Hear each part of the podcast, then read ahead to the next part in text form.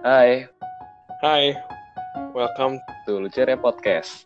Aku Raul dan to Ivan akan menemani halo cerdas kalian hari ini. Enjoy. Hai Van, Hai. ini episode kali ini kita udah mau masuk ke lagu kan yang di Lemis. Betul. Nah, seperti yang kita tahu, ini kita akan mulai sesuai dengan urutan kronologis dari cerita. Jadi kita akan membahas dari lagu yang pertama kali muncul. Kalau misalnya itu di filmnya, karena kalau di Mm, musicalnya kan ada kayak overture terus ada ya kan? Jadi nggak untuk lagu. Nah ini lagu yang pertama kalau di movie versionnya dia ditulis judulnya tuh Look Down. Tapi kalau di musicalnya judulnya Work Song Oke ini menggambarkan situasi apa Van? Ya, mungkin sebelum kita masuk ke lagunya, hari ini kita bahas tiga lagu kali ya. oh iya bener banget jadi Hmm. kita nggak akan bahas eh, kita nggak akan bahas semua di sini kita akan bahas tiga Iya. lagu pertama oke Van kau boleh jelasin deh lagu yang pertama ini tentang apa Oke. Jadi kalau kita nonton di filmnya itu, kan langsung kelihatan tuh itu scene-nya lagi ada di kerja paksa gitu kan ya. suruh narik kapal masuk dan lain-lain gitu. Dan dari sana kita bisa lihat banget kalau eh, terjadi beberapa sudut pandang gitu. Ya. Jadi kayak kan liriknya kan kayak look down, look down, don't look them in the eye. Itu dikatakan oleh eh, ya sebagian besar orang. Terus mereka juga bilang look down, look down, you're here until you die. Jadi kayak mereka udah pasrah banget gitu sama kerja paksa dari yang dilakukan terhadap mereka gitu. Mm-mm. kalau boleh tahu Terus eh, gimana? kenapa ya kok mereka bisa akhirnya kerja paksa apakah itu perbudakan atau apa Nah, eh, harusnya enggak karena eh, ini mereka sebenarnya dikatakan eh, apa ya prisoners ya. Jadi kayak mereka ini memang melakukan suatu tindakan kejahatan dan dihukum. Nah itu hukumannya salah satunya kerja paksa. Tapi tapi menariknya adalah hukuman ini yang dikasih ke mereka itu hmm, kayaknya nggak sebanding dengan apa yang seharusnya dihukum ke mereka gitu. Kesalahan mereka nggak sebanding sama hukumannya Tuh, itu kenapa kenapa kita bisa bilang gitu? kenapa Nah, kita bisa lihat dari hmm, perbincangan selanjutnya. hmm. Perbincangannya adalah antara satu eh, tahanan yang diberi diberi label sebagai tahanan nomor 24601 yang di sini itu sedang di apa ya sedang dipanggil karena eh, akan dibebaskan bersyarat gitu. hmm. ya ya Nah, kemudian eh, di sini terjadi sedikit perbincangan mengenai apa yang terjadi dengan eh, penangkapan orang ini. Oh jadi Dan ternyata- backgroundnya gitu Mm-mm. ternyata Dan ternyata orang yang di ditahan ini yang sedang akan dilepas ini mengaku hanya mencuri se apa?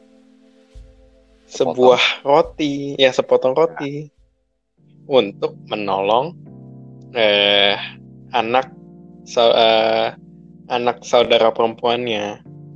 Yang notabene itu adalah sesuatu hal yang baik kan, kayak Iya, ya udah walaupun mencuri tapi kan ya Mm, gitu.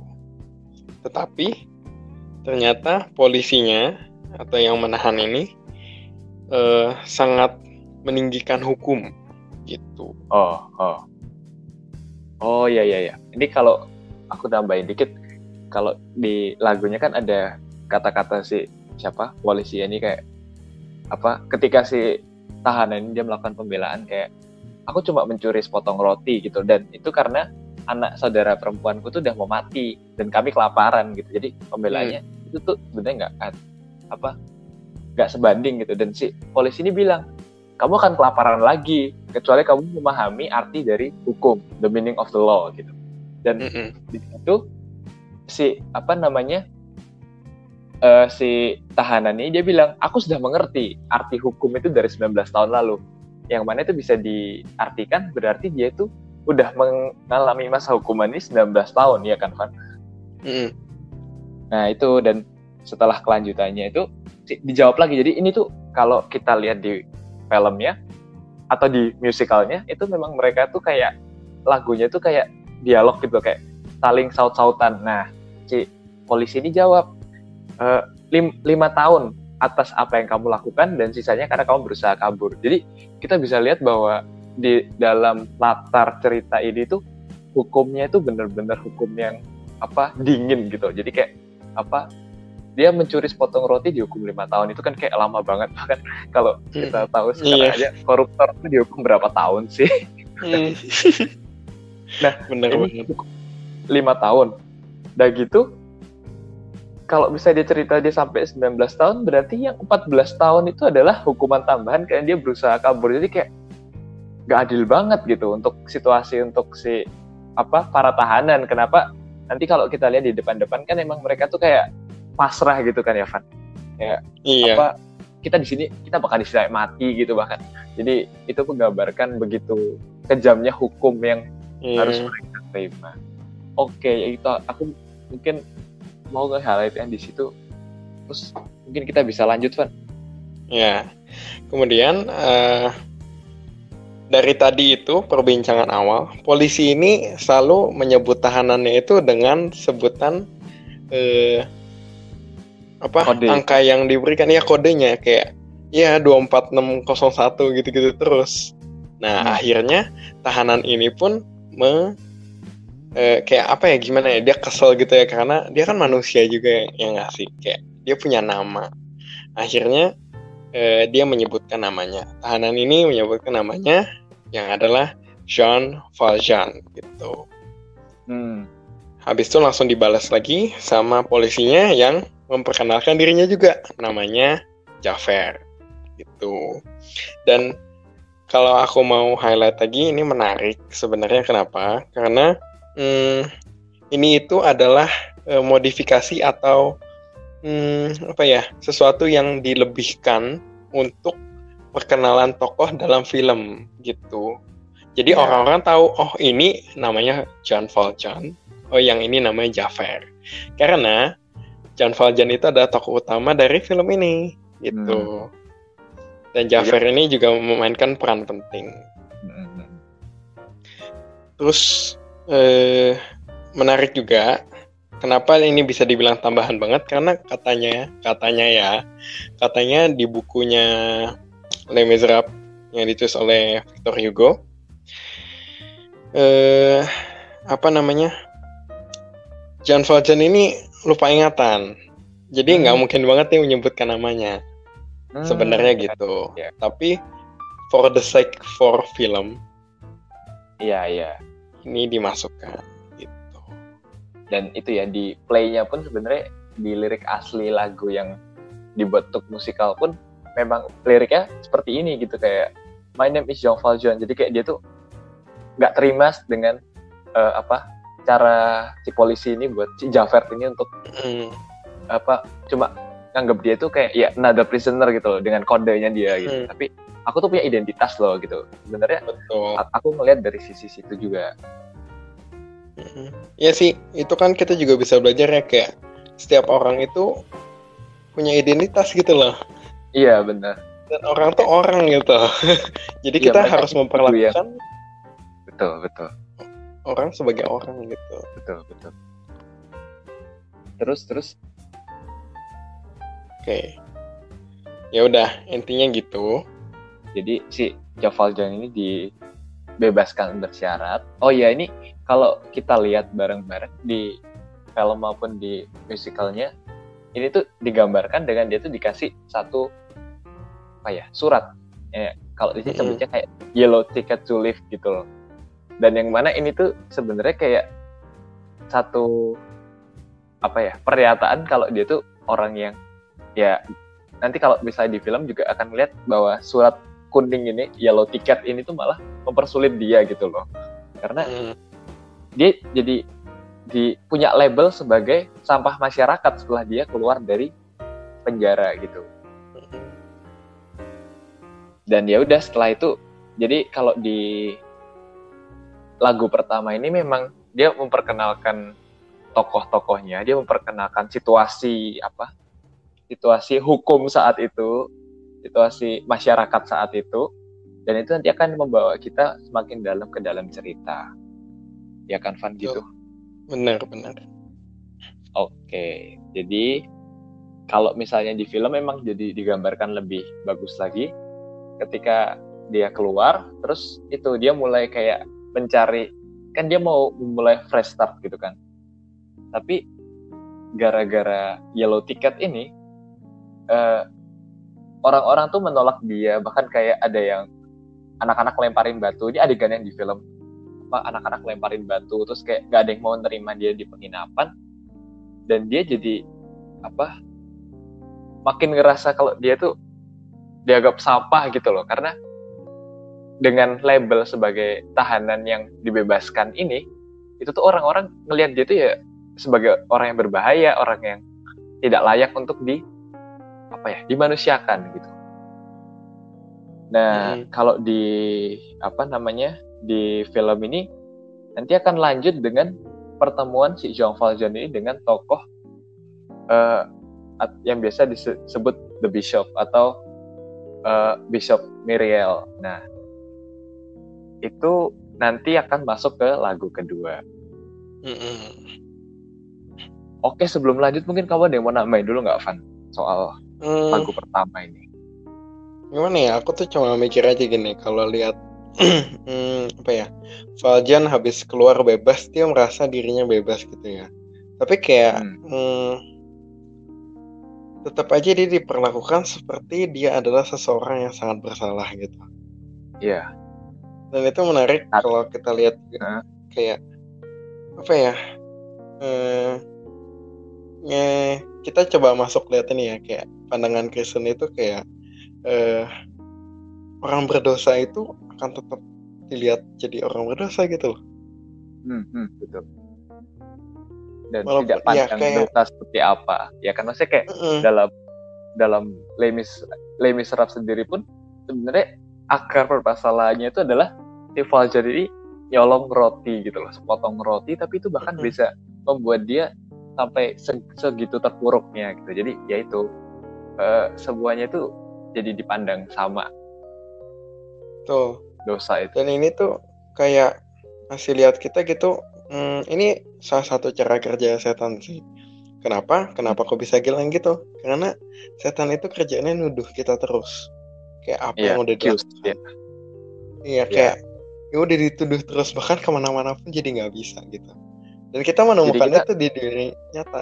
Iya, iya. Dan kita nggak bisa menghargai apa sih? Pasti kita nggak juga ikutan melihat diri kita tuh sebagai orang yang apa tidak layak, yang kotor, yang uh, sampah lah gitu jadi kita, karena iya. dengan terus menerus gitu bukan berarti kita tidak berdosa gitu kita berdosa tetapi uh, bukan berarti kalau disalahkan itu terus permasalahan selesai gitu kan mm -hmm. ya terus menerus di ya si Valjan ini dia malah jadi melihat dirinya juga oh berarti emang dia akan berlaku seperti itu jadi ketika di uh, apa di bukunya pun ketika dia belum bertemu dengan si Bishop ini dia akhirnya juga malah menghidupi hidup sebagai kayak penjahat gitu loh. Saya kayak ya karena orang-orang pun juga udah menuduh dia seperti itu gitu loh. Mm -mm.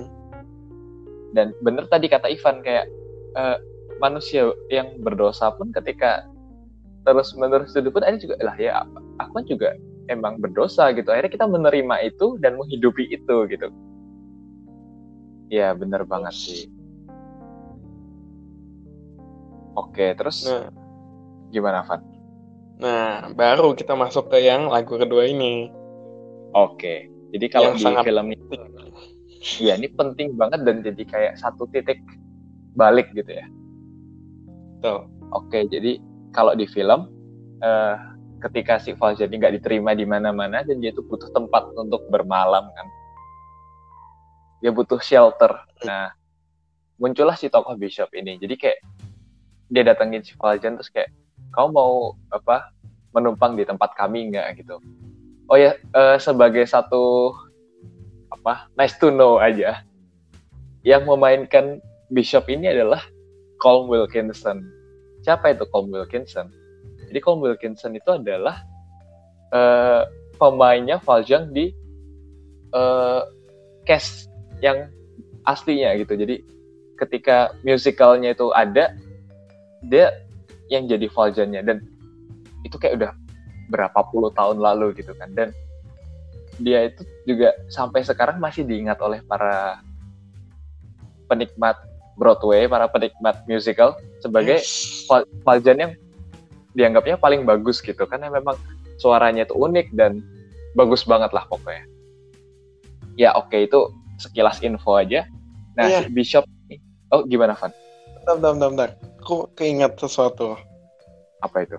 Sebelumnya kemarin kan kita bilang uh, apa namanya ini out of topic sedikit ya kayak hmm.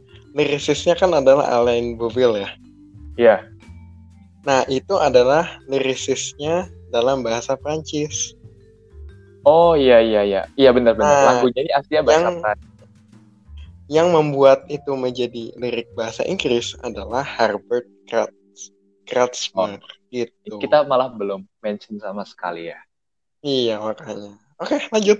Oke. Okay. Back to topic. Iya, jadi itu tadi si Valjean yang udah keluar dari penjara dan uh, di tidak diterima oleh masyarakat, dia akhirnya bertemu dengan si Bishop ini. Bishop memberikan dia tempat untuk berteduh. Dia kayak di kalau di uh, apa di adegannya dia bahkan ik, masuk terus ikut di filmnya ya, ikut makan terus eh, apa ya bener-bener diperlakukan seperti manusia pada uh, umumnya gitu. Nah, Terus si Valjean ini karena udah kebiasa dianggap sebagai penjahat, dia pun kan udah meng, apa ya istilahnya menghidupi kehidupan sebagai penjahat gitu. Dan dia melihat di tempat itu, di tempat si Bishop ini ada banyak uh, peralatan makan, banyak perhiasan-perhiasan dari perak gitu. Dan dia memutuskan untuk pengen nyuri itu apa barang-barang berharga itu karena kan dia juga butuh modal untuk hidup kan. Nah dicurilah hmm. itu barang-barang ya dia kabur keesokan paginya dia tuh ketangkep ternyata si Mojan ini. Uh, terus kayak si apa orang-orang yang nangkep ini ini kayaknya polisi ya Van ya? Eh uh, ya ya berwajib lah. Ya iyalah eh, yang entah itu hansip entah itu polisi polisi apalah. Uh. ya itu. Mereka terus kasih tahu ke bishop ini kayak ini loh kita nangkep orang ini apa bawa uh, perak-perakmu gitu kayak. Mm. dan dia malah ngakunya kalau ini kamu yang kasih gitu. Nah yang sangat mengejutkan dan yang sangat membuat apa ya aku juga kayak tersentuh dari adegan ini adalah Bishop ini juga apa dia ngomong nih kalau di lagunya kayak that is right terus but my friend you left so early. Jadi kayak dia tuh malah oh bener aku kasih itu gitu. Terus kenapa kamu terus kayak oh kamu tuh kemarin buru-buru apa kok? Apakah ada sesuatu yang mengganggu pikiranmu sampai kamu tuh duluan? Padahal aku pengen ngasih lagi gitu. Nah, ini kan kayak jadi hmm. penonton, kita sebagai nonton dan Valjan sendiri pasti bingung kalau padahal kan itu pembelaan Valjan biar dia nggak ditangkap kan. Dia ngaku kalau dikasih, hmm. tapi malah si uh, Bishop ini selain dia mengkonfirmasi, iya aku kasih, dia bahkan kok oh, buru-buru aku masih mau ngasih lagi gitu loh. Dan ini apa ya?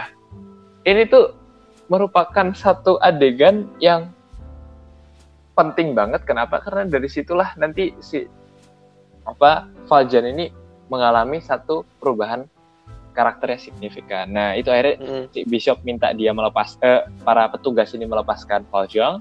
Terus, pokoknya apa?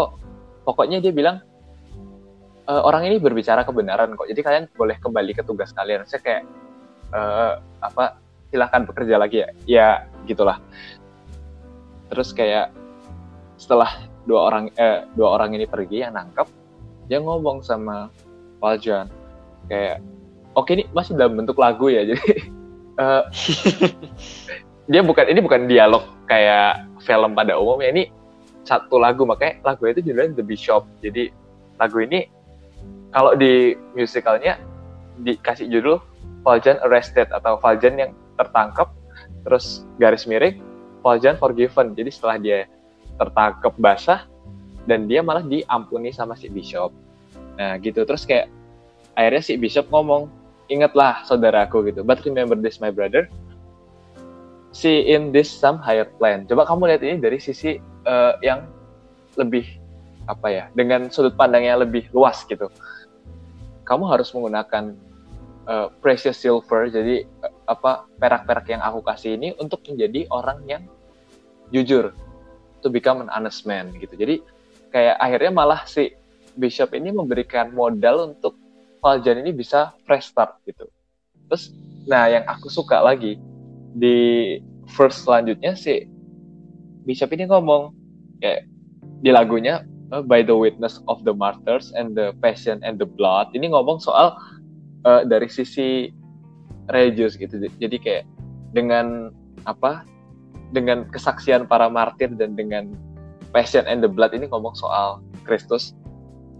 Tuhan sudah melepaskan kamu dari kegelapan dan aku sudah menyelamatkan jiwamu untuk Tuhan. Gitu. Jadi ini tuh ada satu apa ya peristiwa uh, penembusan gitu, bukan oleh si siapa bishop tapi oleh Tuhan. Tapi ini yang melakukan apa aksinya, maksudnya yang dipakai itu adalah si bishop. Dan ini satu uh, apa ya poin di mana Valjean itu akan keluar dari kehidupan lamanya yang berdosa yang dan penjahat itu dia akan menjadi pribadi yang baru. Nah, itulah dari lagu The Bishop. Ada yang mau kamu tambahin, hmm. Kava? Hmm, mungkin gini kali ya. Kalau menurutku itu eh di sini ada konsep pembenaran tetapi yang dilakukan oleh Bishop dan juga Valjan hmm. menurutku tetap adalah salah. Yeah. Maksudnya apa? Kayak okay. hmm, Valjan apakah benar dalam mencuri? Enggak. kita nggak yeah, boleh yeah, membenarkan pencurian. Yeah. Oh iya iya. Satu lagi kita juga nggak boleh membenarkan kebohongan gitu. Ya jadi yang namanya white lie itu sebenarnya bukan satu kebohongan untuk hal baik gitu ya berarti. Hmm, tapi tetap tetap salah. Tetapi kesalahan ini bisa menjadi suatu pelajaran. Kenapa aku juga bisa bilang gini? Karena ketika uh, bishopnya menye menyuruh petugas yang nangkep Valjan tadi pergi, huh? dia bilangnya gini, but remember this my brother. But kayak dia mau memastikan lagi Valjan kayak oke okay, uh, eh, aku tidak membuka kesalahanmu di depan orang-orang ini mm -hmm. tapi tolong lakukan ini tapi anggaplah ini adalah satu momen supaya kamu bisa berbuat yang benar gitu. Bisa berubah gitu ya. Jadi orang yang hmm. baru yang jujur. Betul. Ya gitu sih. Iya. Kalau aku. Dan apa ya aku secara personal emang suka banget sama si Bishop ini. Kalau di novelnya namanya Bishop Miriel karena di novel hmm. di novelnya tuh ntar dia akan dibahas lagi bagaimana kehidupan si Bishop ini. Jadi kayak latar belakang dia. Dan yang mungkin pada tertarik untuk membaca boleh banget. Ini novelnya jauh lebih dalam ya karena apa namanya bener-bener kayak satu-satu dibahas lebih rinci. Dan tokoh ini tuh memang satu tokoh yang apa ya yang sangat penting juga walaupun dia muncul juga hanya pas apa momen ini aja kan. Habis itu kayak dia kalau di filmnya ataupun di musikalnya udah nggak ada lagi gitu. Dia cuma muncul untuk Valjan sekali ini dan ya udah setelah itu itu mengubah kehidupan Valjan dan ini akan dilanjutkan dengan satu momen di mana Valjan ini merenungi kehidupan dia merenungi perbu perbuatan dia uh, merenungi kesalahan dia dan kayak apa ya jadi satu monolog nah itu makanya kenapa dia kalau di filmnya dikasih judul Valjean Soliloquy. Soliloquy itu kayak apa ya? ngomong sendiri gitu. Kalau di film ataupun di play. Nah, kayak apa ya? Kayak monolog gitu ya, Van ya? Bergumul lah. Ini pergumulan Bergumul, dia yang iya, dibicarakan gitu. Bener-bener. Ya. Nah, itu apa? Mungkin Ivan mau kayak bahas dari pergumulan eh, perenungan si Valjean ini. Hmm, oke.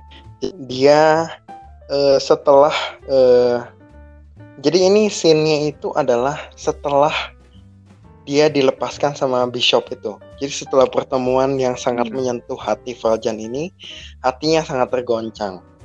Sampai dia kayak Hmm. bener-bener nggak tahu lagi ini kayak sampai dia bilang kan what have I done Terus kayak Hmm. Tuhan aku apa yang aku telah perbuat gitu terus Hmm. eh, intinya dia kayak aduh parah banget lah dia melihat dirinya sangat jatuh sampai Mm-mm.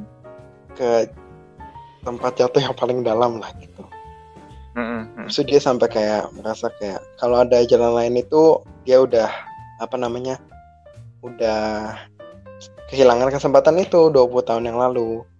Terus sampai dia mengakui bahwa eh, hidupnya itu ada suatu peperangan yang dia nggak bisa menang. Dia mengakui itu Iya, iya. dan sampai eh, tapi dia masih ingat kayak ya udah mereka itu sampai apa ya namanya kayak menghukum eh, aku cuman gara-gara mencuri potong roti gitu.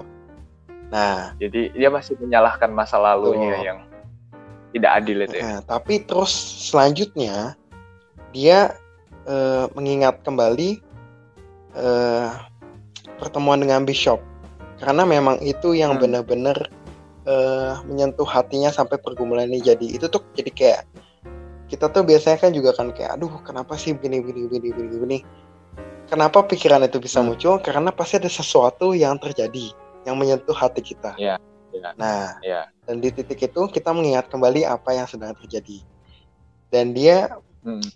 dia bingung benar-benar bingung kenapa dia bisa membiarkan Bishop itu menyentuh hatinya Iya, dan kayak, bahkan kenapa dia membuka diri untuk Mm-mm. bishop gitu kan? betul dan bahkan akhirnya dia bisa mengenali pen- konsep kasih gitu loh Iya, iya.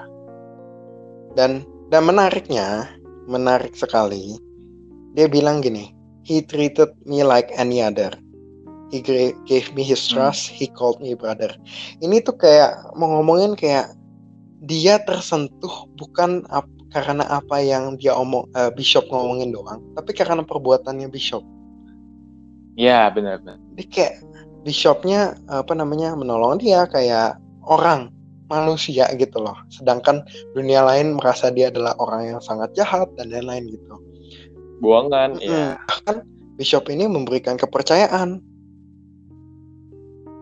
dan Iya. juga Dan memanggil dia nah brother itu gitu. tuh itu sangat personal memanggilnya saudara Iya, benar. karena dia udah nggak punya siapa-siapa kan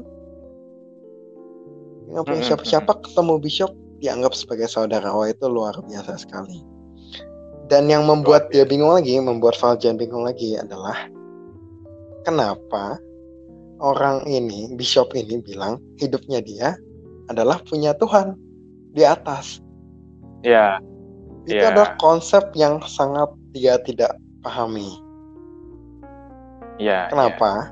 Karena dia bilang sendiri lagi, karena dia selama ini membenci dunia ini. Dan dunia dia merasa dunia Iya. membenci dia gitu kan. Dan dia kasih tahu lagi, dia selama ini merasa hukumnya adalah yaitu kayak mata ganti mata. Gitu. Mata ganti Hmm, mata hmm, terus kayak ya udah, nggak ada lagi perasaan. Kayak semua Hmm, perasaan hmm. manusia udah berubah jadi batu lagi gitu. Itu yang Ya, selama ya. ini dia alami, yang dia hidupi Rasakan, dan dia ya. ketahui. Nah, habis itu baru dia balik lagi ke bishop itu. Gak gerak cuman perkataan. Nah, ini ini sekarang masuk ke perkataan yang bishop. Dia mengakui. Per- eh, perkataannya bishop ini sangat menyentuh. Kenapa? Karena dia mungkin membandingkan dengan eh, apa? Membandingkan dengan Jafar kali ya. Waktu itu dia Oh, kabur sama Jafar ditangkap ditambahin 14 tahun lagi. Nah, Iya, sekarang iya. kondisinya mirip. Dia kabur dari Bishop. Ketangkep juga. Tetapi apa yang terjadi? Bishopnya malah ngasih yang lebih, tapi dalam artian kasih itu kan, mm-mm, perak itu kan. malah bukan nyalahin, bukan menyalahkan, bukan malah iya benar tangkap dia, tetapi membenarkan dia, gitu loh. Dan memberikan Hmm. kebebasan itu benar-benar membuat dia, dia bilang di sini, membuat dia malu setengah mati. Sampai kayak maluannya itu iya. udah nusuk banget kayak pisau gitu. Ya, Nah, ya. habis itu dia bilang lagi kalau Valjean ini punya jiwa. Mm-mm. Nah, jiwa ini tuh em, sampai Valjean tuh juga bingung kan, kayak apaan sih? Kayak dia mempertanyakan Hmm. gimana cara Bishop ini tahu bahwa dia punya jiwa. Mm-mm. Mm-mm. Nah, dari dari pertemuan ini dia benar-benar berubah gitu. Hmm, hmm.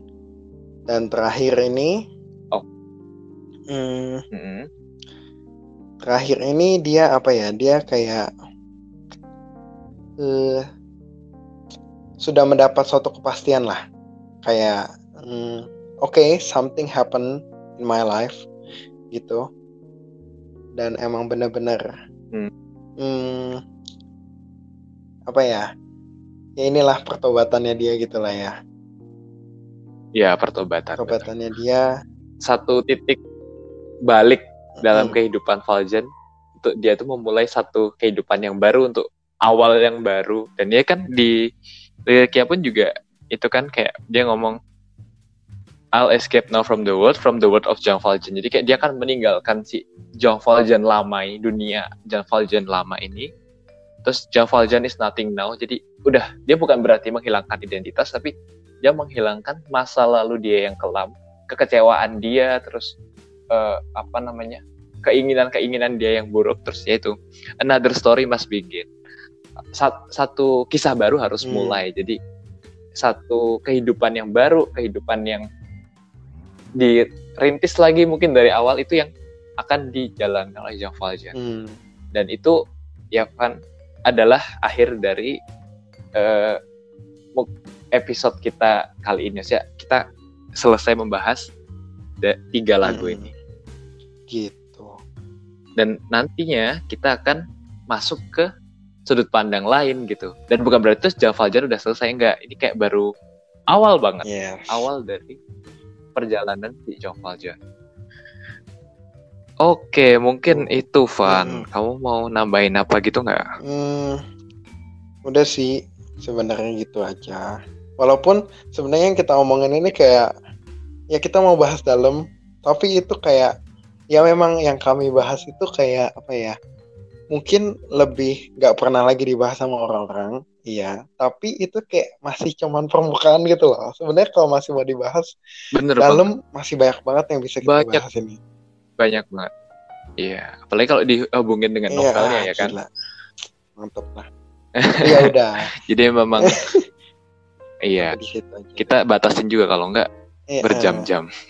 Oke lah.